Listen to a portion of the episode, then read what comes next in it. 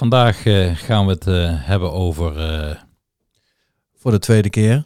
oh ja, vanmiddag hebben we al een podcast opgenomen, maar die bleek niet op de SD-kaart te staan. Dus we gaan voor de tweede ronde. Ja. En vandaag gaan we het hebben over het Emotional Periodontal Stress Syndrome. Ja. En de gevolgen die dat kan hebben, onder andere voor lage rugklachten. Ja. En op 27 juni geven we daarover een masterclass. Die is al vol. En eh, vanaf eh, na de zomer zijn we van plan om eh, meer masterclasses te gaan brengen. En de masterclass van 27 juni gaat over vier vergeten redenen voor het ontstaan van lage rugklachten. Mhm. En eh, nou ja, een van die redenen is de metabole discus. Ja. En nou ja, dat was het onderwerp van gesprek van vandaag. Dit is de Metabol Gezond podcast voor meer grip op je oerinstinct.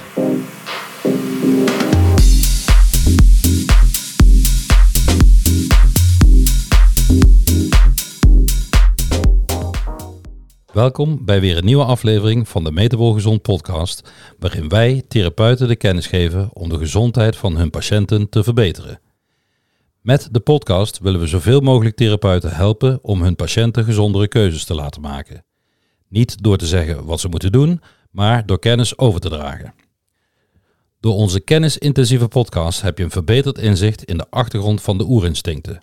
Door te luisteren krijg je de kennis om je patiënt controle over hun oerinstinct te geven en daarmee kunnen zij hun eigen gezondere keuzes maken. Meer content krijg je wanneer je abonneert en onze podcast steunt. Kijk hiervoor op www.metabolgezond.nl. Naast de podcast bieden we ook verschillende e-learnings en skills trainingen aan voor therapeuten. Kijk ook hiervoor op www.metabolgezond.nl. Welkom bij weer een nieuwe aflevering van de Metabol Gezond podcast. Goedemorgen, goedemiddag of goede avond, al nagelang wanneer je naar deze podcast luistert. Ja, en eh, vandaag eh, gaan we het eh, hebben over... Voor de tweede keer. Oh ja, vanmiddag hebben we al een podcast opgenomen, maar die bleek niet eh, op de SD-kaart te staan. Dus we gaan eh, voor de tweede ronde. Ja. En vandaag gaan we het eh, hebben over het Emotional Periodontal Stress Syndrome. Ja. En de gevolgen die dat kan hebben, onder andere voor lage rugklachten. Ja. En op 27 juni geven we daarover een masterclass. Die is al vol. En eh, vanaf eh, na de zomer zijn we van plan om eh, meer masterclasses te gaan brengen. En de masterclass van 27 juni gaat over vier vergeten redenen voor het ontstaan van lage rugklachten. Mhm. En eh, nou ja, een van die redenen is de metabole discus. Ja. En nou ja, dat was het onderwerp van gesprek van vandaag. Ja, en die, die metabole discus die is ontdekt, of in ieder geval bevestigd. Is ooit een onderzoek eh, geweest waarin ze conventionele behandelingen, dus eh, fysiotherapie, eh, manuele therapie, oefentherapie, hebben vergeleken, weggezet tegen medicamenteuze behandeling. En het, het medicijn wat er gebruikt werd was een antibioticum. En wat bleek, de resultaten op de chronische A-specifieke lage rugpijn met een antibioticum waren eigenlijk net wat beter dan met conventionele therapie. En eh, dat heeft ze natuurlijk doen nadenken. Dat er dus een andere factor eh, belangrijk zou zijn dan misschien alleen maar eh, een gedrags- of een beweegcomponent. Maar dat er dus ook een metabole component bij zat. En nou ja, we weten denk ik allemaal wel waar een antibioticum voor ingezet wordt. En dat is natuurlijk voor een infectie. Nou ja, vooral een bacteriële infectie. En de vraag is Ja. natuurlijk A, hoe komen die bacteriën daar?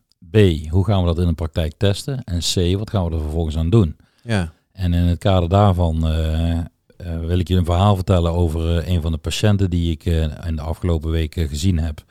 Ehm, en die kwam met rugklachten en die had al een tijdje lage rugklachten en in dusdanige vorm dat we wel van een chronische rugklacht kunnen spreken. En ehm, nou ja, in het verhaal verder nog een laag ferritine. En eh, ik ben even vergeten wat er nog meer... eh, Ja, het feit dat ze eh, in de ochtend met name de last en de stijfheid had en daar in de loop van de dag doorheen bewoog, maar ook op de dag indien ze momenten had van, van stilzitten of liggen en daarna weer in beweging komen, dat er ook weer wat meer klachten waren. Precies.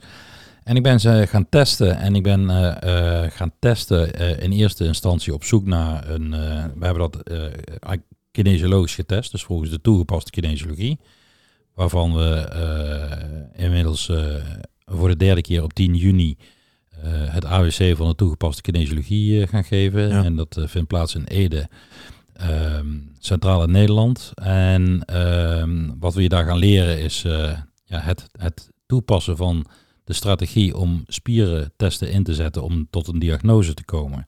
Ja. Uh, meer informatie daarover vind je op www.metabolgezond.nl onder de uh, kopje Academy. Ja. De skills training is dat. Anyway, um, ik ben begonnen met het testen van haar lever. En dat leer je dus op die, uh, op die uh, cursusdag. En vervolgens bleek dat de lever eigenlijk niet zo'n groot probleem leek te hebben. Maar uit de bewegingstest was al naar voren gekomen dat de mobiliteit van de lever duidelijk verminderd was. Dus de lever moest een probleem hebben. Um, dus we hebben een challenge gebruikt. Ik heb een challenge gebruikt om die lever ja, uit te dagen. En dat, ik heb een challenge gebruikt, oestrogeen. Dat heeft te maken met de fase 2 ontgifting van de lever. En daarop testen de spier zwak, die dus in relatie staat met de lever.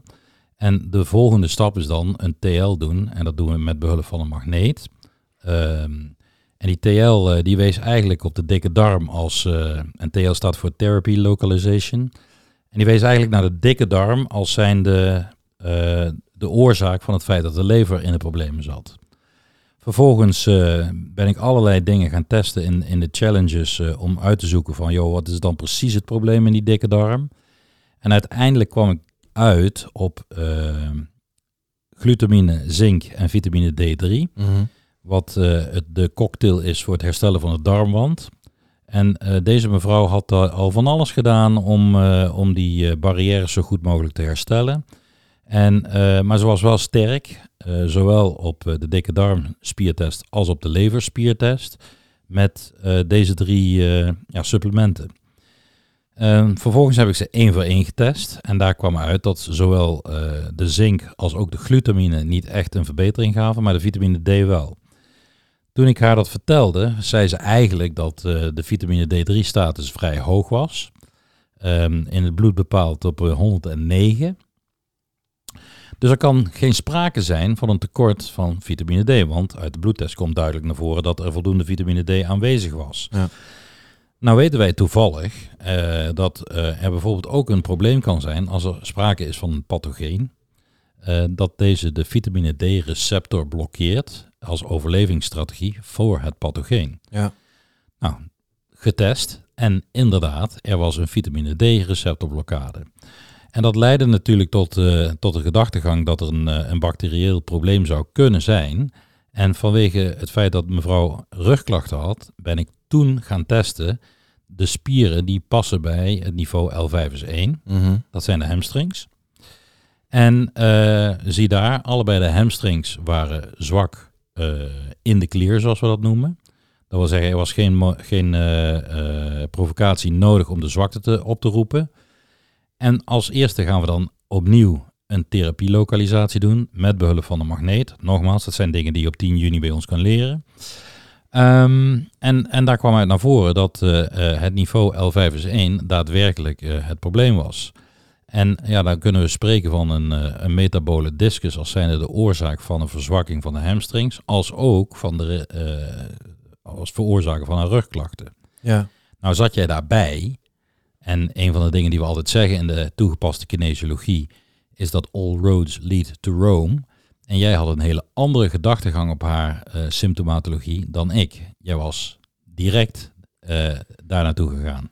Ja, klopt. Ja. Ik, uh, ik, ik was direct waarschijnlijk die hamstring gaan testen. Ja, in die end waren we allebei uitgekomen op, als het goed is, op eenzelfde oplossing. Want mijn gedachte zou bij die test van die hamstring zijn, hè, op verdenking van zo'n metabole discus. Ja. Om ook uh, vervolgens uh, een therapie uh, te testen die antibacterieel zou zijn. Nou, en daar kwamen we natuurlijk ook op uit als therapie. Want de therapie die we uiteindelijk hebben gevonden was lactoferine. Inderdaad. En um, ja, ik bedenk me nu ook, misschien is dat meteen een bruggetje naar de, naar de eh, emotional uh, periodontal stress syndrome verklaring. Dat natuurlijk een, een darmbarrière nooit goed kan zijn als de barrière in de mond ook niet in orde is. Ja, nou ja, waar we op uitkwamen was dus een, een, een darmzwakte en de darm zelf gaf aan in orde te zijn. En ehm, ik heb eigenlijk ook van daaruit niet direct, uh, ja, dat heb ik wel gedaan om te vragen of dat, dat inderdaad een probleem was. Maar goed, uit, uit de test komt dus een, een, uh, een verstoorde barrièrefunctie, maar dus niet in de darm inderdaad, maar in de mond. Ja. Dus de vraag is bij zo'n metabole discus, zijn het bacteriën? Hoe komen ze daar? Ja. En wat gaan we eraan doen? Nou ja, wat gaan we eraan doen? Was dus de oplossing lactoferine. Ja. Maar hoe komen ze daar? Ja, ze komen daar omdat uh, die barrière, als die niet goed uh, functioneert, nou ja, laten we zeggen, die bacteriën moeten dus via uh, de bloedbaan zichzelf kunnen verplaatsen en eigenlijk kunnen reizen door het, door het lichaam heen. Mm -hmm. Dus dan moeten die bacteriën vanuit hun, vanuit hun plek waar ze horen, in dit geval in de mond, uh, terecht kunnen komen in de rug. Dus als ze kunnen passeren door die barrière, de bloedbaan in kunnen gaan en vervolgens in een discus terecht kunnen komen, dan, uh, dan kunnen ze daar problemen gaan geven. Ja. En um, het is natuurlijk zo dat uh, um, die discus is een ideale omgeving.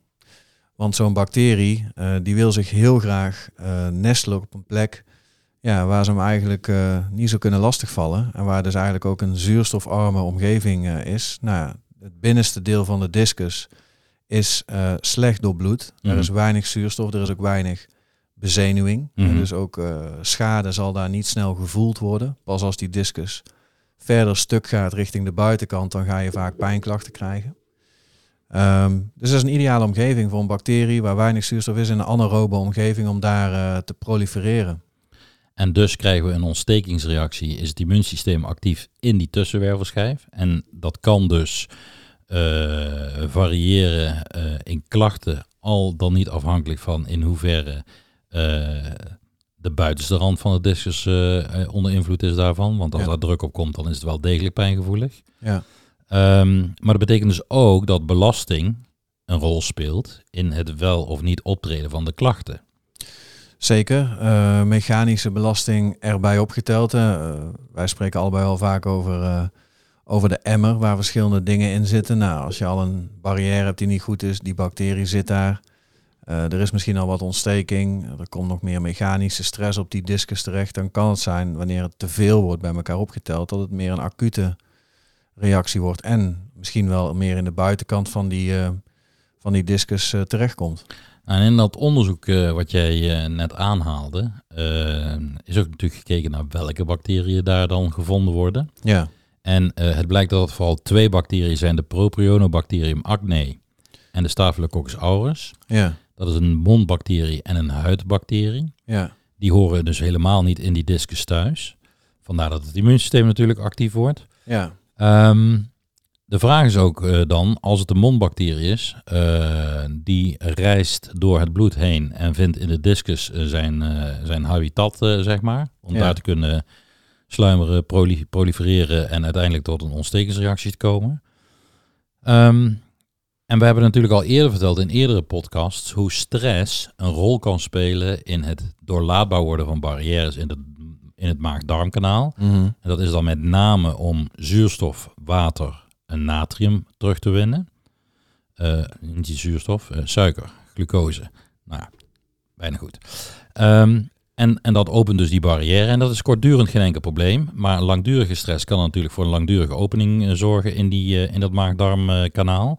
nou goed, daar was in dit geval geen sprake van. En in het geval van een mondbarrière die stuk gaat, spreken we natuurlijk over specifiek stressreactie. Ja. Eh, namelijk het Emotional Periodontal Stress Syndrome. En ehm, emoties zoals bijvoorbeeld boosheid en angst kunnen dus ook een stressreactie uit, eh, uitlokken. En heel lang is natuurlijk gedacht dat, eh, dat de activatie van het sympathische zenuwstelsel eh, ervoor zorgde dat de consistentie van het speeksel veranderde. Ja. En nu blijkt dat eh, het volgens een aantal eh, stappen gaat. Ehm, maar uiteindelijk komt het erop neer dat het niet een verhoogde orthosympathische of sympathische activiteit is, maar dat het juist een verlaging is van de parasympathische activiteit die verandert. Eh, die, die, die, en die verlaging van de parasympathische activiteit zorgt voor een verandering van de samenstelling van je speeksel. Ja, en het is eh, die emotie die je al beschreven, die angst of, uh, of woede, die eigenlijk een, een reactie geeft in die, op, op die amygdala, waarbij glutamaat een rol speelt. Ja, dat voert misschien een beetje ver om dat helemaal nu uit te leggen. Ja, ik wilde daarover zeggen dat, uh, dat er dus ook een remming komt op de nervus vagus. En dus de parasympathicus wordt daar uh, eigenlijk uh, geremd, waardoor die orthosympathicus dus ook... De overhand krijgt. Ja, precies. Nou ja, en de emotie zorgt dus voor een prikkeling van eerst de neocortex, vervolgens de amygdala. En daarin ligt het emotional motor center.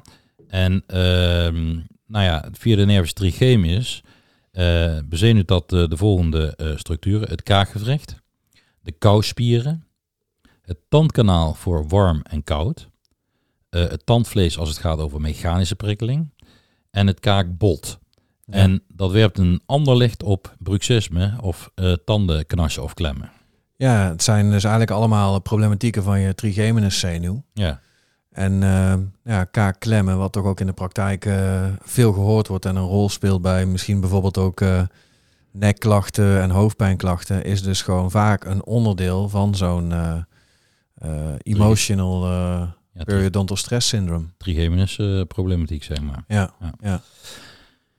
Nou ja, en wat er vervolgens gebeurt als die parasympathicus geremd wordt, verandert zoals gezegd de samenstelling van het speeksel. En, Ja. en iedereen eh, weet dat eh, het water je in de mond kan lopen als je honger hebt ehm, en, en je ruikt eten.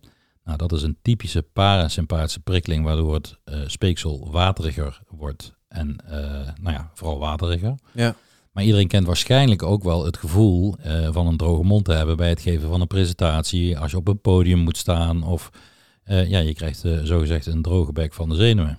Ja, als je prestatiegericht bent, hè, je ziet het ook in de sport, op het, op het veld, bij voetbal bijvoorbeeld, dat, dat ze wat speeksel ophalen. Dat zijn meestal geen dunne straaltjes, het zijn meestal dikke klodders die worden neergelegd. Ja, dat kun je aan Frankrijk uit een Rudy Vuller vragen. Ja, precies. Daar moest ik straks ook aan denken bij de eerste. Ja. Dus ja, dat is dat dikke, dikkere speeksel wat eigenlijk dus heel um, amylase rijk is. Omdat ons brein eigenlijk ook rekent op heel veel uh, energie om die stress uh, situatie ook vol te houden. Ja, en uh, omdat het amylase rijk en speeksel dus, dus dikker en, en, en, en ja, taaier wordt, zeg maar, zorgt dat voor een verandering van het microbioom in de mondholte. En uh, dat zorgt ervoor als het een situatie is die opnieuw langdurig aanwezig is, uh, dat dat voor een microbioomverandering zorgt die uiteindelijk kan leiden tot uh, onderrugklachten. Ja. Um, als je gaat kijken naar de samenstelling van speeksel, normaal speeksel, daar horen de volgende componenten in te zitten. Lactoperoxidase, en dat is een familie van lactoferine. En misschien dat we daarom ook de lactoferine vonden als oplossing. Uh, waterstofperoxide producerende streptokokken. En deze waterstofperoxide producerende uh, streptokokken steriliseren de mond. En uit waterstofperoxide wordt door de lactoperoxidase water geproduceerd. En dat gebeurt door uh, van thiocyanaat oxythiocyanaat te maken. En dat levert dus op water en oxythiocyanaat. Ja, dus het is ook nog beetje oppassen met uh, al die mondwatertjes en, die, en het spoelen uh, van je mond. Hè? Verstoort mogelijkerwijs ook deze reactie. Ja. En het oxideren van thiocyanaat naar oxythiocyanaat werkt antibacterieel, antiviraal, antiparasitair en antischimmel. Nou kunnen we helaas uh, thiocyanaat niet zelf aanmaken. Uh, maar een heel eenvoudig advies is om twee keer in de week verschillende koolsoorten te eten. En twee keer in de week is voldoende om, om de thiocyanaat aanwezig te laten zijn. Oké, okay, en ik uh, zie hier nog staan dat uh, ook specifiek monosaccharide, hè, als het dan toch om uh, voeding gaat, ook een directe oorzaak kunnen zijn van een periodontitis. Nou ja, monosaccharide prikkelen natuurlijk de amylase productie in, in, in de mond. Yes. Ja, en uh, wat, je, wat je ook dus ziet, hè, we moeten denk ik ook misschien iets zeggen over hoe je hier dan uh, nou ja, weet van krijgt, hè, of dit bij iemand van toepassing is. Uh, als het tandvlees ontstoken is, of chronisch wat ontstoken is, dan ga je natuurlijk mogelijk zien dat, dat, dat het tandvlees kan bloeden. Ja. Niet altijd spontaan. Nou ja, de praktijkervaring leert dat als je daarna vraagt, dat de meeste mensen zeggen van ik heb geen tandvleesproblemen, tandvleesproblemen. maar als je dan doorvraagt, en vraagt of dat mensen stokeren of dat ze flossen. Flossen, dankjewel. Um, dan zie je, uh, dan krijg je wel vaak het antwoord: ja, als ik stoker, dan, dan kan er wel eens wat bloed bij zitten. Nou, dat is, dat is een indicatie van een, een, een, barrière die niet optimaal functioneert. Ja, dus bloedend tandvlees is een, is een criterium, maar bijvoorbeeld ook regelmatig gaatjes, tandplak waar je makkelijk vormt. Dat zijn allemaal signalen die kunnen duiden op zo'n open mond. En het kan zelfs zo zijn dat als je op dit moment geen problemen hebt, maar in het verleden bijvoorbeeld een wortelkanaalbehandeling hebt ondergaan, uh, ja, dat, die wortel komt alleen maar vrij te liggen en uh, open toegang tot voor de bacteriën uh, op het moment dat het tandvlees gewoon niet goed aansluit aan die tandhals. Ja. Ja, inderdaad. En ehm, dan is het letterlijk zo dat er natuurlijk gewoon een open verbinding ontstaat met die bloedbaan. Uh, we zien ook bij, bij, bij bijvoorbeeld mensen die een hartoperatie moeten ondergaan of een nieuwe hartklep krijgen, dat ze uh, absoluut geen ontstekingen in hun gebit mogen hebben. Daar wordt ook op gescreend, omdat er natuurlijk een bacterie vanuit die mond op die hartklep kan komen, wat een ja, flinke complicatie kan worden. Een endocarditis of een pericarditis of een myocarditis. Ja. Ja. ja. ja en wel grappig, ik was hier net aan het, aan, aan het zoeken in mijn aantekeningen op welke bacterie dat nou was. En het is zeker ook die propriobacterie acne. Maar ik zag hier ook nog staan dat het vaak natuurlijk al heel lang zo is dat die mond open is. Maar hoe kan het nou dat, er, uh, dat het dan twintig jaar duurt voordat je bijvoorbeeld misschien een, een hernia of zo krijgt? Hè? Mm -hmm. En dat het dus ook te maken heeft met het feit dat als er maar genoeg schade ontstaat, dat er ook wat, wat ijzer gaat lekken in het weefsel.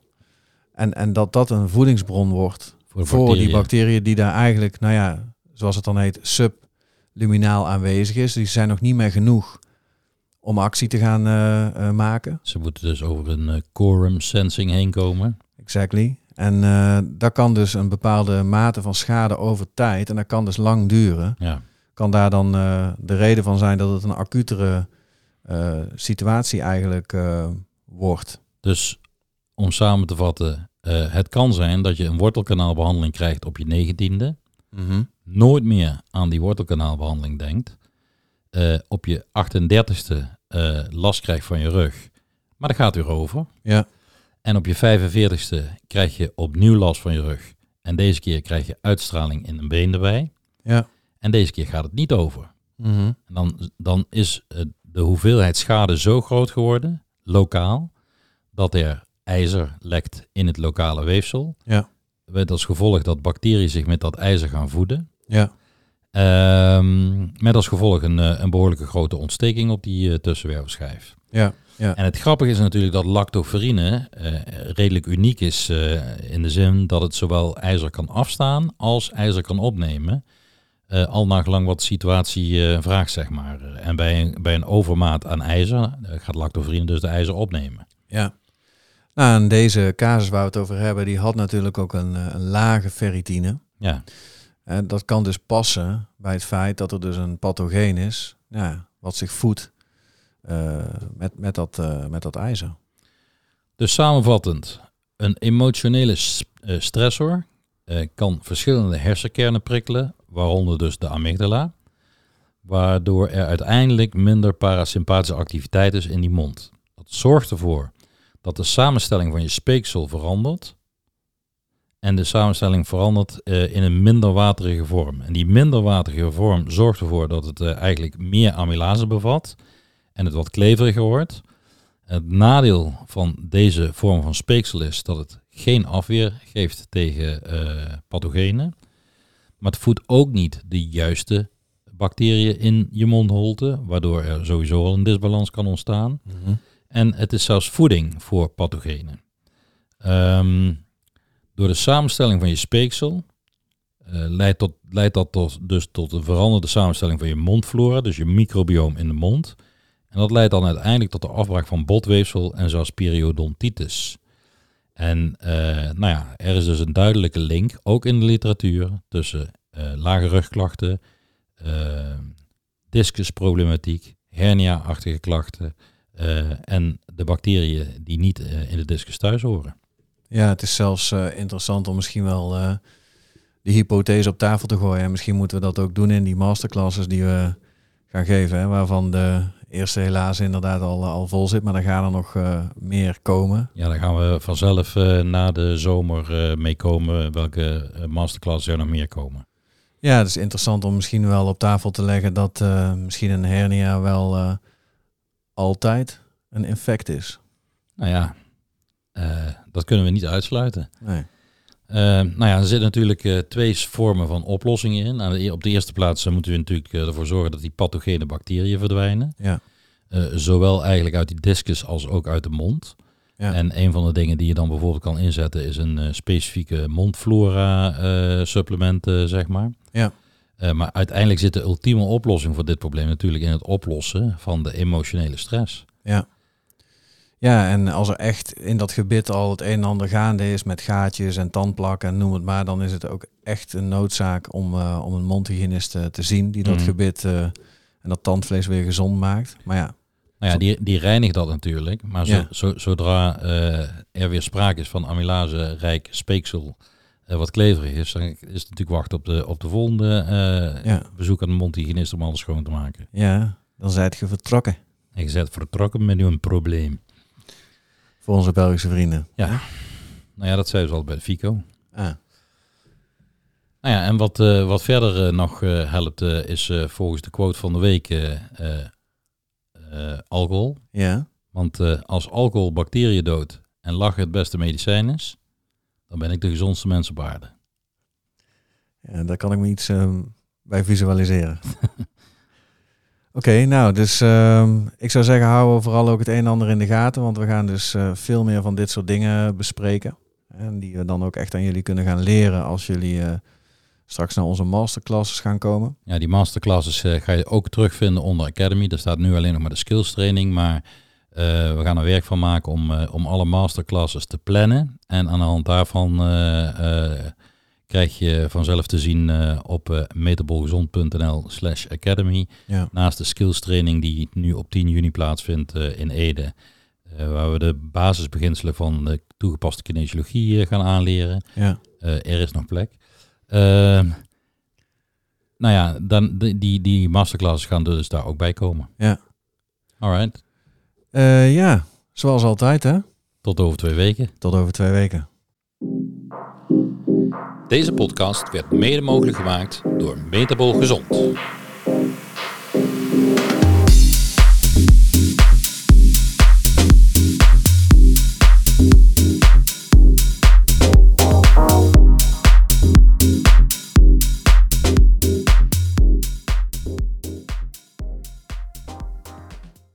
Informatie in deze podcast is niet bedoeld als vervanging van diensten of informatie van getrainde medische professionals en of zorgverlenende instanties, zoals huisartsen, medisch specialisten, spoedeisende hulpverlening en acute geestelijke gezondheidszorg.